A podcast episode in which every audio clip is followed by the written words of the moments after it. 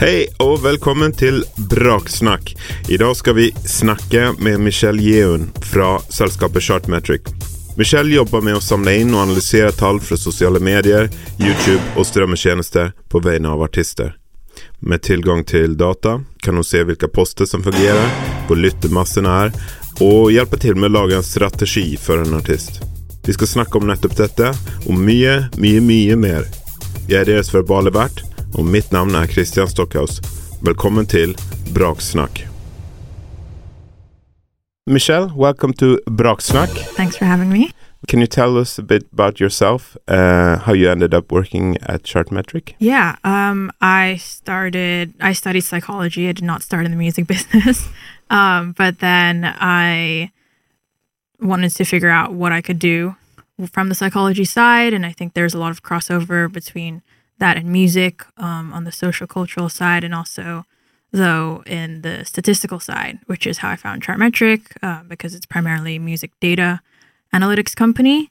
And um, yeah, I found them just by cold emailing, you know, trying trying my luck. Um, and I reached out, they responded, and then um, started as an intern, and then became full time now. Do you see any similarities to the psychology field and the data analyst field? Yeah, I mean, most of um, the research in psychology requires statistics, which is also um, very closely connected to data and the data science side as well. So there's that aspect, but I also use it a lot for um, aspects about society, about culture, which is very closely tied with music. So cool. Yeah. So what do you do in Chartmetric?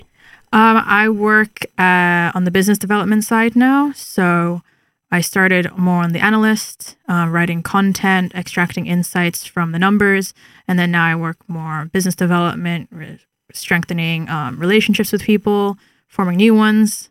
You know, hopefully improving the existing ones. Um, yeah. Yeah.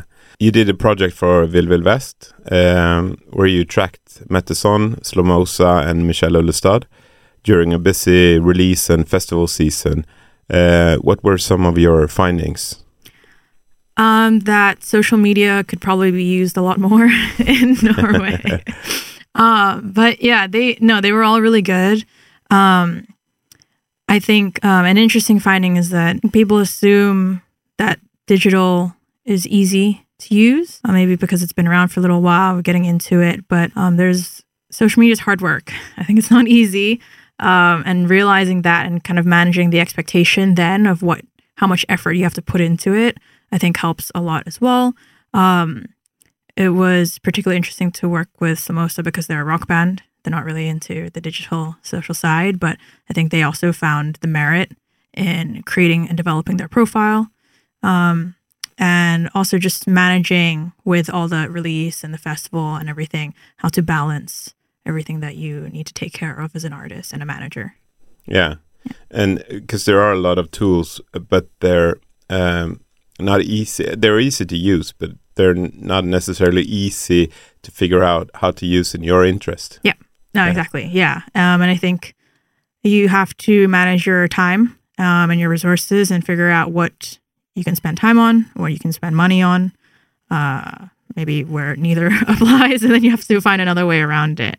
Um, but yeah, that's the the thing, and that's why I think that there is a bit of an assumption that digital is easy and it's easier i think than physical and having to go through all the steps um, and th- that traditional method you know like um, say if you're pressing vinyl you know you have to go through all the supply and everything like that. But digital is just you can access it online straight away. Yeah. and so it feels like it's a lot easier but there is actually still a lot of work to do. Yeah. Yeah. It's says diy aspect. Yeah. Yeah. And it's um, harder to commit to i guess as well. Yeah. Um and with all the tools that are supposed to help you streamline your workflow, you feel like it shouldn't be as much effort as it is. Um, but in the end, they're just tools. There is still a part of it where you have to put your own effort in. You have to decide. Um, you have to make choices basically about where where you put your effort and your energy. Um, and I think there's more of a realization about that now, but we still have some work to do before I think it's um, much smoother. Yeah. Um, and for a band like Slomosa, it's sort of try and fail. uh, when it comes to which platform that works for them. Yeah. Um, it's about figuring out which platform your audience is on, um, what kind of audience you also want to appeal to. Maybe that makes you change platforms. Um, and also, there, I think there's just so much going on for artists, right? You're playing gigs, um, you're handling social media, you're trying to make new music, and then you have to distribute and push out the music and market the music and everything like that. Um, so you just have to you have to make choices, and I think it's difficult when um, there are th- so many th- things you could potentially be doing to figure out what is actually the right thing. I think Yeah. is what worries people. Yeah. Yeah, and also um, it it's it needs to be a platform where you actually can deliver and be consistent. Yeah. So there are two two sort of ways to it, or like the uh, what what makes sense for a you know certain genre. Yeah. and then what is the like social media platform that you actually gonna you know put your time and effort into. Yeah. It's it's about what also works for you. Yeah, um, and it's not a huge burden for you to have to do. I know social media is a huge feels like um, it's very tiresome for a lot of people, um, and so it's figuring out a way to use it that also doesn't feel like too much additional work. You know, so one of the what I consider one of the biggest successes of that project was um, when Slomosa said that they're used to take them 10 minutes to post and now it takes them two minutes. You know, Yeah, that's a big yeah. difference. yeah. Um, yeah. Yeah. Is there like a general, if you had to say, like, give it a simple breakdown, what works for this different social medias? I know you're gonna, you're not gonna have an like exact scientifically proved answer, but if we do TikTok, YouTube, Instagram, and Facebook, what works on those platforms? Um, yeah, I would. it depends. Yeah. it's always the answer, but I think it's also knowing what to to look out for. Um, so, for example, if you're looking for a really young demographic, then you're more likely to be on TikTok, potentially Instagram, although that's evolving a bit now. Um, if you're looking for a much older demographic, um, then Facebook would be the platform, and I think that was to use Slomosa as an example again, that's what they were used to using because um, a lot of the rock fans tend to be an older demographic.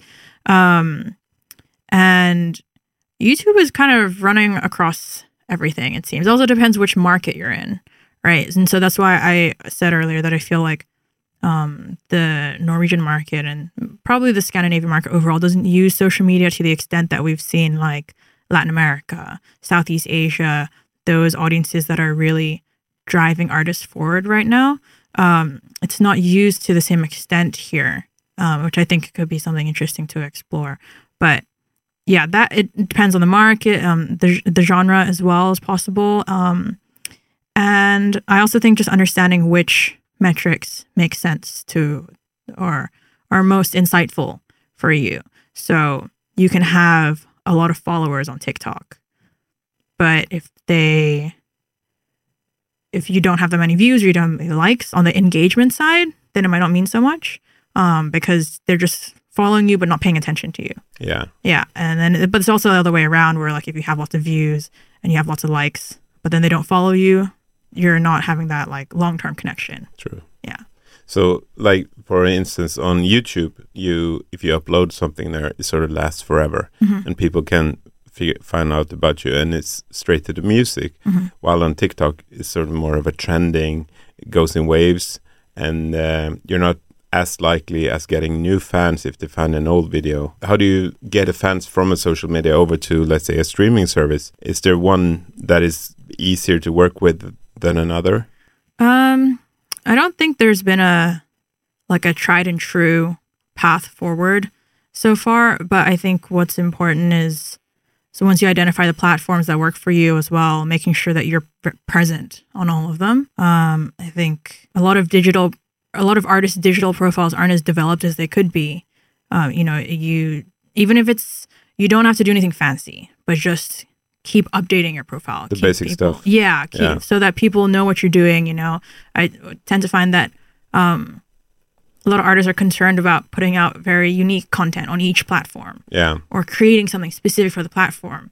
When in actuality, most people use social media as a way to keep up to date Yeah. with you. They're not looking for something super exclusive, like a direct, um, direct to fan kind of thing, or like the super fan club. You know, most the generic kind of um, interest is just I want to know what you're doing next. Yeah. Give me that information, and then we can decide. Maybe after that, you want something more exclusive or tailored. Um, yeah. So I feel like there's a lot of pressure to create unique things, and it, it's it's not. No. Really, yeah. I guess a lot of people think they have to dance on TikTok and they have to post beautiful pictures on Instagram Yeah. and give good information on Facebook, etc. Yeah, um, but you can find a. I think it's always possible. It might be easy to say Yeah, sitting yeah. here just saying it, but um, that you can find a way to make it work for you. Um, so I think the artist is you start off because you want to make music, but if you want to develop a more sustainable career, eventually you realize that an artist is a brand. There's an image behind it, and you and there's a personality attached to the music, and I think that's what you can develop a lot more. Um, you know, on, whether it's through a video or short form, long form, TikTok or YouTube, or still visual on Instagram, um, whatever works for you. And there are so many options now. Um, so I would say, like, yeah, you don't have to feel pressure to be on everything as long as you can develop an area that works for you. Yeah. Yeah. So let's say a, a banner artist puts out a video on YouTube Mm-hmm. and then they get their first data. How do they read it and what do they do with it? So I mean, so if they went on, for example, Chartmetric, um, they would see YouTube views, YouTube subscribers, more detail about the channel, hopefully a little bit more uh, demographic information as well. Um, as more data is gathered, the longer you're on a platform, the more detail you can get, and then you can start figuring out like where your fans are located. Um, maybe you want to eventually tour there or do a test, maybe do some kind of live stream or something, you know, less costly. Um, you can also use the data to see if what you are investing in is having returns. So if you put out a YouTube video, are people actually looking for you there? Then you can track it back. Did you even promote yourself on YouTube? Did you tell people that you're there? Maybe they're just looking for you on Spotify because they're used to it. You know, you have to give people some guidance as well. Um, there are a lot of platforms for you as an artist to be on. There are also a lot of platforms for your fans to have to try to track you down. Um, yeah, like I, I saw some really cool artists um, at the Vill Vill Vest, the festival, and when I went to look for them online, like I couldn't find them. I think it's because they're newer artists, but I want to be able to follow them from the beginning, Yeah. um, and I want to be able to find them when I'm thinking of them, which is when I'm watching them at a gig, not two weeks later where True. I probably forgot about it already. yeah. yeah. So start by having at least one platform which is up to date, Yeah. official, have the same. I mean, if you if you play live, make you know the stage clothing be present within the platform, or you know show um, that you are the actual band that someone is watching or listening to. Yeah. and that that it you know the imagery is sort of the same on all the platforms you are using.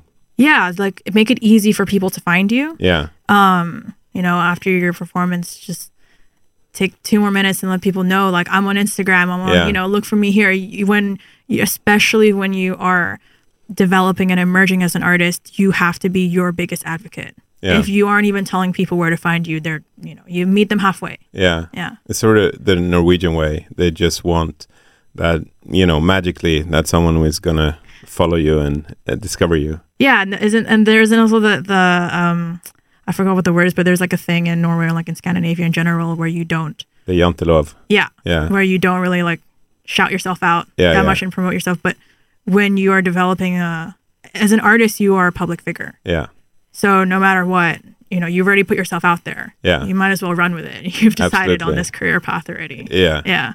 And when you look at the data, like skip rates, how should you read them? Should you change content, switch things around if there's a high skip rate? Um, skip rates I'm actually less familiar with because we don't track that on, Okay. on Chartmetric. I think that's more of a private Okay. um, side of the data. But I would say, um, I would think you know don't get too stuck into a particular number. Um, if your skip rates maybe they're let's say they're extraordinarily high, the skip rate. yeah. Um, Gargantuous. yeah, Yeah. you'll you'll have to decide what to do. Maybe that is the kind of music that you like to put out there, and Yeah. you're but you're appealing to the wrong audience. Mm. You know, that's not you making the wrong music. I don't think there's such a thing. it's just about you finding the right community. Um, I think if you comprom- compromise your creativity just for the numbers, it, it doesn't work. You have to work with both. Um, the numbers just tell you, you know, how people are, their feedback that you're getting from people. Does that mean you go and change your whole identity as a person? I hope not. yeah. No, but that's how you should read all data. Yeah. Right. Um because if you jumped at every obstacle or Mm-hmm. like when things didn't work, people wouldn't really have an idea of who you are. Yeah, exactly. Um, so the numbers, the figures, the data, the charts, the stats, whatever you call them, um, they're part of the overall picture, which is again you as a as a brand, as an image, um, as an artist. And so I think what's more important is to you, you should keep track of things because you should know as much about yourself and and you know how people are viewing you as possible. Um, but don't go down the rabbit hole. Kind of try to zoom yourself out a bit. Look at your overall growth okay, if your overall growth is declining, then maybe, you know, we have something to work on. But if overall you are um, increasing or you're developing, that's the path you want to stay on. Yeah. The day to day, the numbers will go up and down. Yeah. Sometimes there's nothing you can do about it. A good example is after a release. Almost always your numbers will decrease after a release because when the release happens, there's a huge spike. And then, you know, a week or two later, you get taken off a bunch of playlists and it goes down. Does it mean people don't like you? No. But there are other releases happening. There are other things going on. Um, you have to look for more for a long term. You know, now that you've gained a little bit of an audience, what do you do with them next? Not just worrying about oh that you you lost them. You know, Yeah. it's, it's not just about you. There's Yeah. other other artists releasing music and things like that. Yeah. Yeah. So like a if you have a slow rise or a consistent rise, and then you will have the peaks, and then the, the main goal is to have the steady rise, Yeah. and then there will be drops and peaks Yeah. within that. Yeah, as long as the over overall trend is going up, um, I think that's what's most important, especially today where you have things that can go viral. Sometimes, sometimes really easily. I think it's quite. It's a lot easier to go viral these days. Um, but also, if you if you hype yourself up too much about that one viral moment, Yeah. and that was it. You know. Gonna be- have a big backlash. Yeah, you you have to think, especially if you want to have a sustainable focus. Um, don't just focus on today and tomorrow. It's about where you want to be in in five years, and you don't have to have it figured out, but you you have to look with that vision in mind. Yeah. Yeah. You will not necessarily know if it was the algorithms or if actually people loving your video or, or song. Yeah, and you can you can get a little more information about Yeah. that. So, um, I think like likes and comments and shares tell you a little bit more about yeah. them because interactions. yeah, helps. it's a little more active. yeah. Um but your followers increase, they decrease, you know, and, and the, the likes and also they can go up and down. Yeah. Um, but it's It's like life. it is life. it is life. it is actually life. Yeah. If there's like one typical thing that artists do wrong uh, when it comes to using data, is there like a, you know, classic thing within the data analyst industry where you say, ah, you know, rookie mistake? Yeah. Um I think I think it is focusing too much on like a particular number. For example, like streams. Yeah. Like focusing so much and I un- understand the focus because streams multiplied by a certain number can tell you, you know, approximately how much you're making from the streaming side of things. But that's not the only revenue source for you. Um and the same with like views or whatever. It's not the only one. There is an overall um, hopefully you're yeah you have several sources of income um, as well and so i think like hyper fixation on a particular number is not is not a good thing No. um, yeah um, but all, i do think that uh, creating main and keeping your maintaining your digital profile Yeah. is also that can that honestly is a bit of a rookie mistake because we live in a digital world Yeah. you should be online Yeah. Um, and you should be updating yourself online as well. That's that can I think makes a big difference. Yeah. Not just before a release.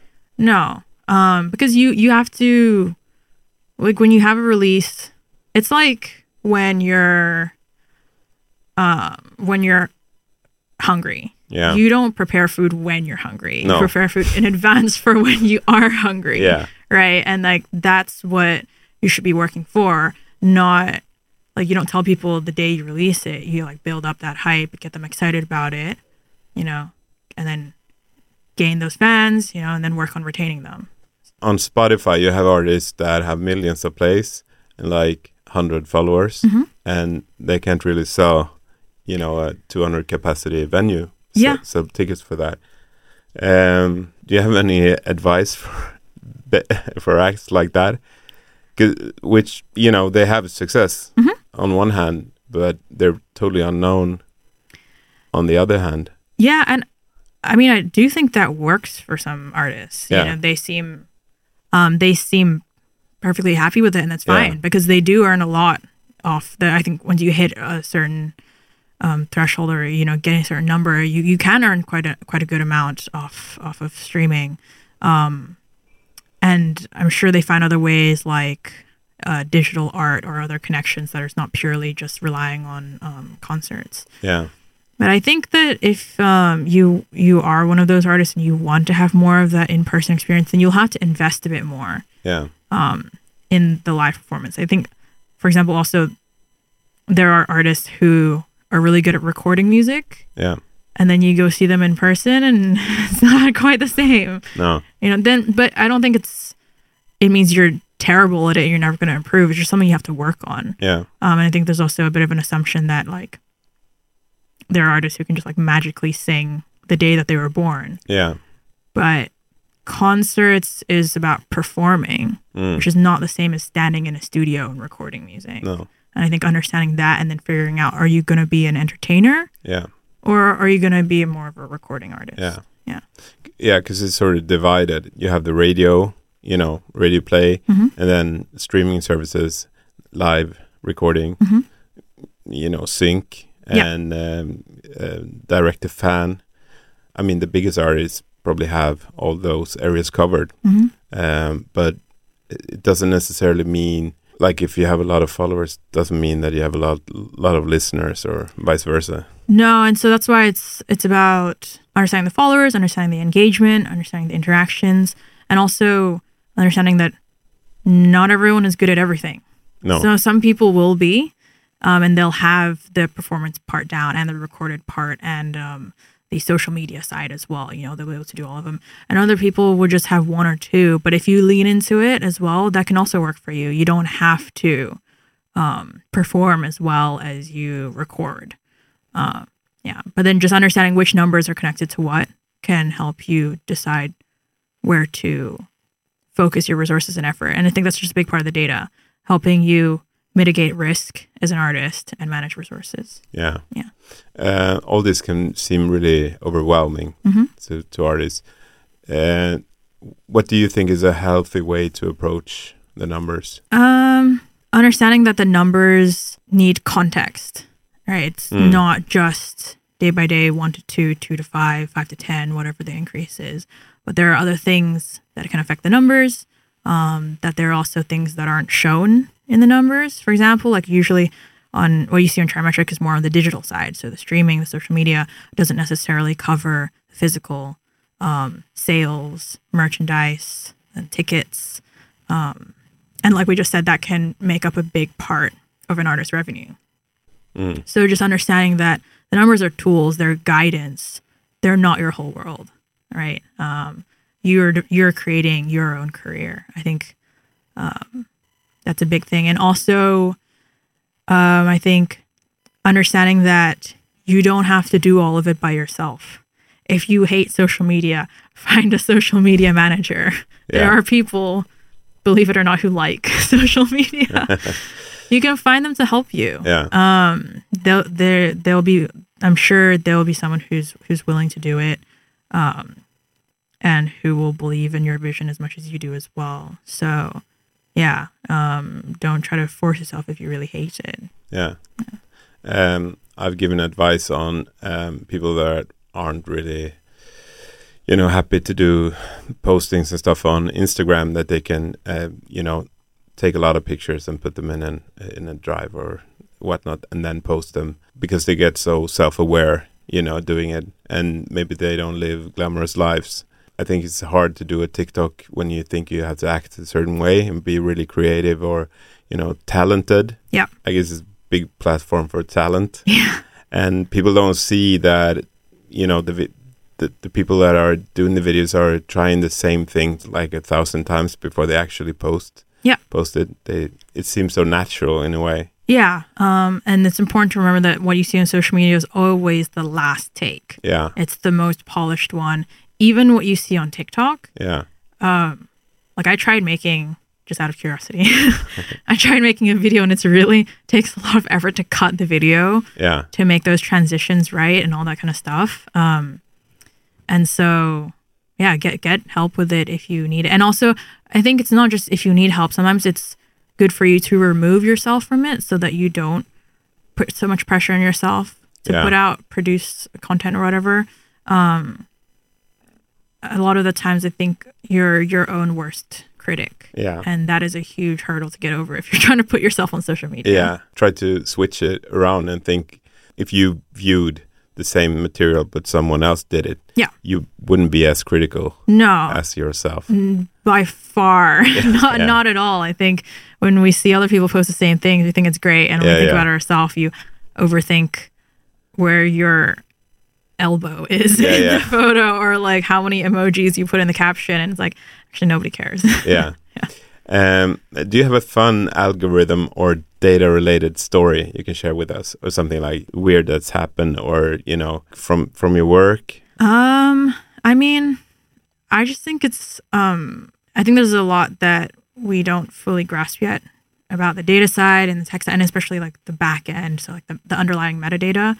So I just think it's funny when um artists are so each artist has their own profile on Chartmetric and links need to be connected from the external platforms and you can have artists like connected. I think there was there was an artist which I forget their exact name, but because it was really similar to Prince William, um, their Wikipedia source was connected to his Wikipedia. And so it looks like they had a lot of views, Yeah. but they're all looking at like, yeah, obviously Yeah. in the UK and in England. And so that's just like, I, I find that kind of funny. There's Yeah. also the other side where people just add in links of like really big artists to try and make their numbers look better Yeah. but um, text matching is a thing that is used a lot, especially when you don't have unique ways of identifying that okay, this artist is connected to this track and this album.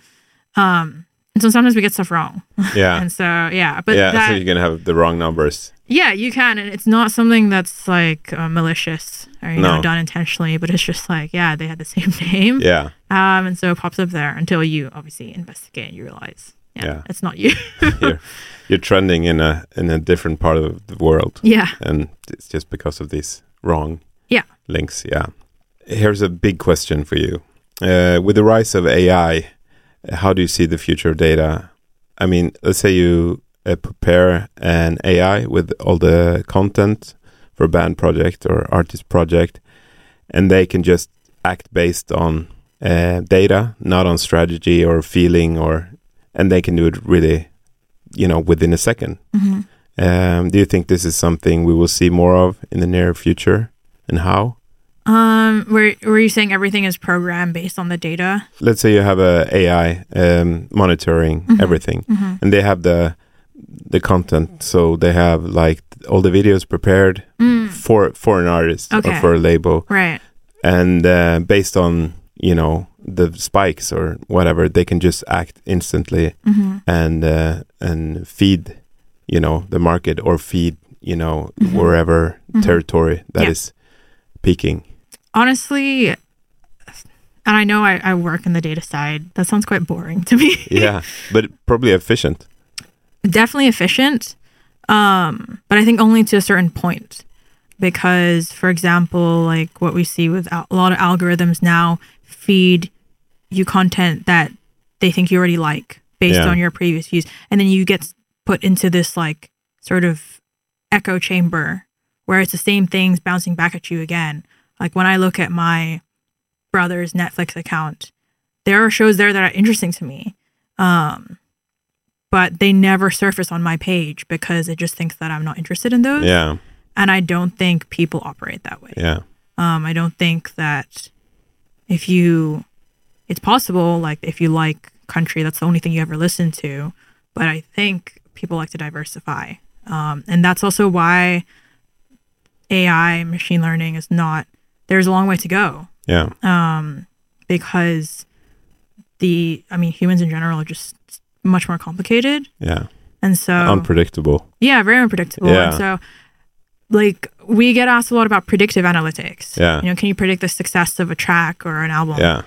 But prediction is based on your understanding of the past. Yeah. And in music, it is not a straight line. Yeah. It's probably the wonkiest line that you can Yeah. get. Yeah. So it's really hard to predict um, because your next release might be nothing like your previous one. Yeah. And then, um, what if you change genres, Yeah. or if you change uh, the market that you, the audience you want to appeal to? Yeah. That's just, it's not going to be the same. Yeah. So, yeah, I think I know a few people who are working on things that try to make, um, you know, release strategy or PR marketing easier. Yeah. But I think for it to really connect with people will always require some sort of like human touch because Yeah. it's still the music is born out of emotion, Yeah. Um, and I think it always goes back to that. Yeah. Otherwise, it would get superficial in a way. Yeah. Yeah. Um, and uh, we've already seen some backlash on who is it like that AI rapper or something. Yeah. Yeah. Um, the virtual reality side as well. Like it's cool. Um, and like I used to uh, game when I was younger, and I liked it. You know, you can create this whole world online, but we also live in real life. Yeah. too. yeah. I think Thankfully. yeah. we don't know what's going on, but I think the future will be a combination. And I think that's that's a lot cooler. Yeah. But right now we're kind of going between one extreme and another. Yeah. I think that rarely works out. This is going to be my last question. If you can say something philosophical about uh, data analyzation. I don't have a great analogy for it. Um, but I just think that we think it's a lot easier than it actually is. And it's because with like things look simplified because we only see the surface level. So for example, like if you have an iPhone, people like using it because the um, user interface is so simplified. It's just got like these little buttons on it that you and the apps that you click. But actually underneath it, there's so many other layers. Um, so I don't guess a nicer analogy would be like if you're staring out into the ocean. You know, everything looks nice on the surface, but there are so many layers underneath, and it gets really, really deep, and we you can't even see the bottom, and that's where we're at. We don't even know the extent of what's available out there, um, so we're just kind of playing with the surface level stuff, which is which is the nice bit. Um, but yeah, it can it can also get scary down under there. So that's that's how I think um, it is at the moment. That's wonderful. Thank you so much for coming. No, thanks for having me. Ja, det där gick ju ganska bra. Tack till mina engelsklärare upp genom åren. Eh, Margot, Ingun, ja, det är det andra. Dere vet vem det är. Tack till Michelle. Abonnera gärna på Braksnack och följ oss gärna på Facebook och Instagram Vi du vill följa med på vad vi driver med. Brak är stöttet av Norsk kulturråd, Vestland fylkeskommune och Bergen kommune. Mitt namn är Christian Stockhaus. Detta är Braksnack.